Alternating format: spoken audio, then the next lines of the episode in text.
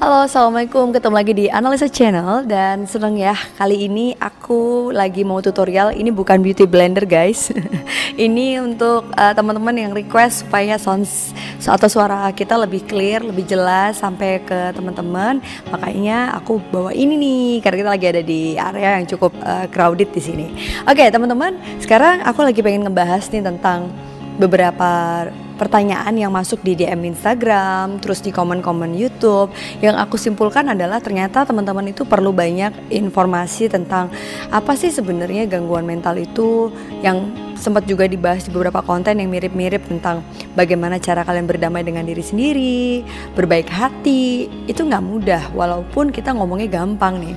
Nah sekarang nih teman-teman, uh, kemarin APDC Indonesia tuh sempat posting waktu Hari Kesehatan Mental Sedunia bahwa kan lagi rame banget ya film Joker kan gitu. Terus kayak ada satu statement yang cukup aku setuju bahwa sebenarnya ketika aku coba untuk telaah lagi waktu dulu sempat praktek di rumah sakit jiwa, sempat praktek di puskesmas, waktu aku sempat praktek di rumah sakit, ketika ngadepin klien-klien yang datang ke ruangan konseling ke psikolog itu tuh mereka yang sudah dapat uh, diagnosis memang mengalami simptom gangguan mental, itu tuh kesulitannya adalah ketika memenuhi ekspektasi dari orang sekitarnya bahwa seolah-olah mereka tuh diminta untuk tidak bersikap seperti seolah-olah mereka mengalami gangguan mental. Susah gak sih? Contoh nih, ketika kamu lagi flu, kamu kan pengen bersin, terus kamu gak boleh bersin, kayak apa menderitanya? Kamu lagi batuk, gatel banget tenggorokan kamu dan kamu nggak boleh batuk.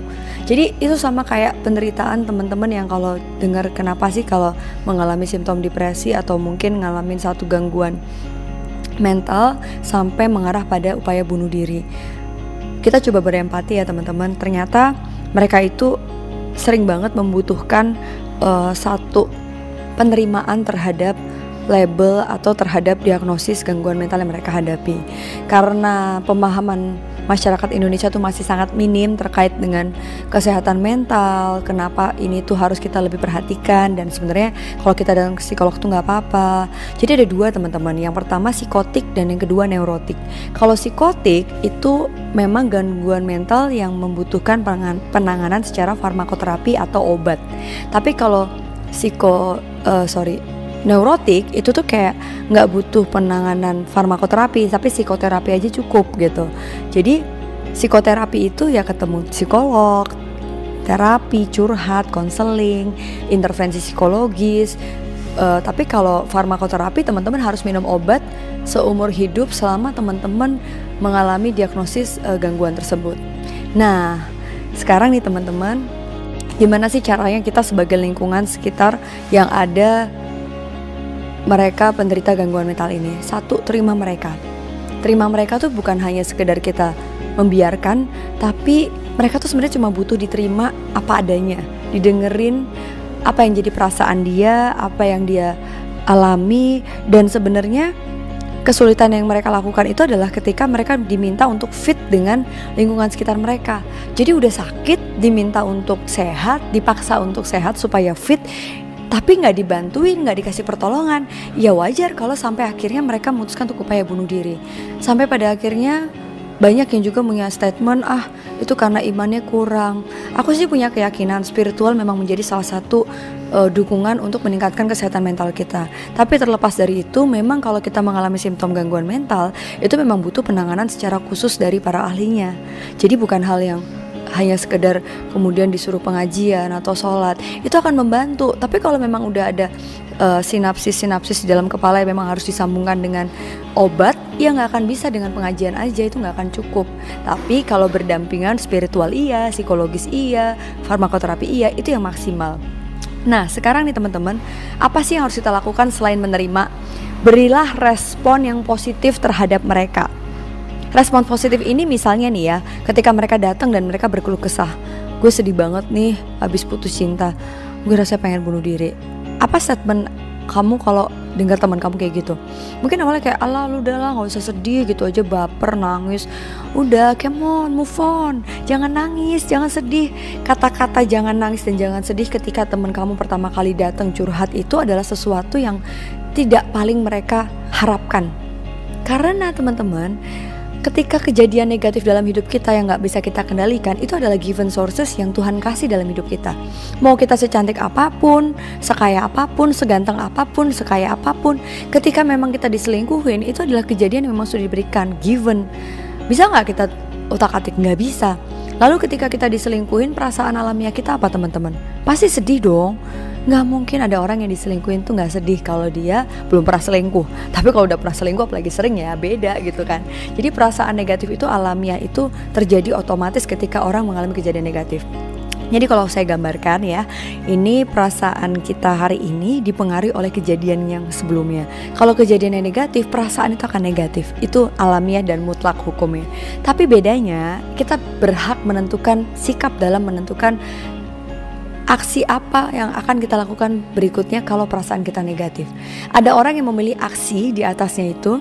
Kalau kita bayangkan ada tiga lingkaran segitiga, di sini kejadian negatif, di sini perasaan yang alami, dan yang di atasnya adalah aksi atau actionnya, tindakannya. Ada yang ketika nangis dia berdiam diri di kamar, dia tidak berusaha untuk keluar rumah, nggak mau makan. Akhirnya apa teman-teman? Selain dia diselingkuhin dia juga sakit. Bahkan mungkin jadi nggak produktif nggak bisa kerja. Akhirnya kejadian negatifnya bertambah dong. Ketika nggak bisa produktif akhirnya mereka merasa semakin tidak berdaya Perasaan tidak berdaya membuat mereka makin sedih, terpuruk, dan mereka semakin menarik diri dari lingkungan sosial. Karena menarik diri dari lingkungan sosial, akhirnya beneran gak punya teman. Jadi selain gak punya pekerjaan dan gak produktif, diselingkuhin, ditinggalin pasangan, gak punya teman pula. Jadi akhirnya dia merasa semakin sedih dan tidak berdaya, sampai akhirnya dia merasa harus bunuh diri. Itu kayak semacam lingkaran depresi, di mana sebenarnya bisa kita patahkan lingkaran tersebut dengan cara, nih teman-teman, rubah actionnya you don't have to be okay to do something okay. Jadi it's okay kalau perasaan kamu itu masih negatif, tapi action kamu bisa positif kok. Ini pilihan mutlak kita atas sikap kita tuh adalah hak kita. Berbaik hatilah di saat masa-masa sulit yang kamu hadapi.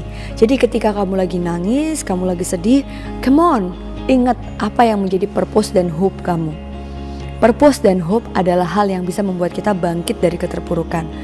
Bahwa ada keyakinan that tomorrow is better than today itu adalah hope yang terus membuat kita tahu apa tujuan kita, apa goals kita, apa yang menjadi kompas hidup kita.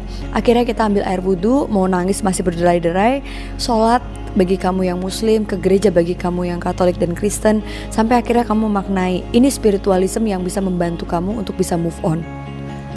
Lalu setelah itu Take your time buat merasakan kesedihan, diterima dengan baik, bahwa kamu ingat tujuan kamu adalah melalui kesulitan itu bukan menghindarinya. Sampai akhirnya meskipun kamu masih sedih, kamu bisa ke kantor tetap produktif, tetap kerja, ketemu teman-teman, ke mall, nonton bioskop, makan enak.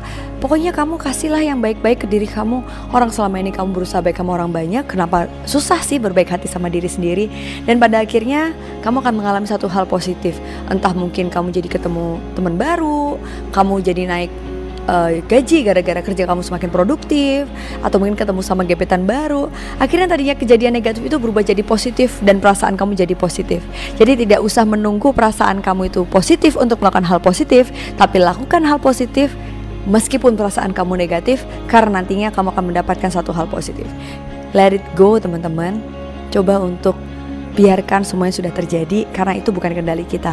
Manusia adalah tempatnya berjuang Manusia adalah pejuang yang memang dunia ini tempat kita untuk menjalankan tugas kita dan peran kita. Masalah akhirnya semua yang menentukan adalah yang menciptakan para pejuang di kehidupan ini. Thank you dan nonton Alisa Channel dan sampai jumpa di konten berikutnya. Assalamualaikum.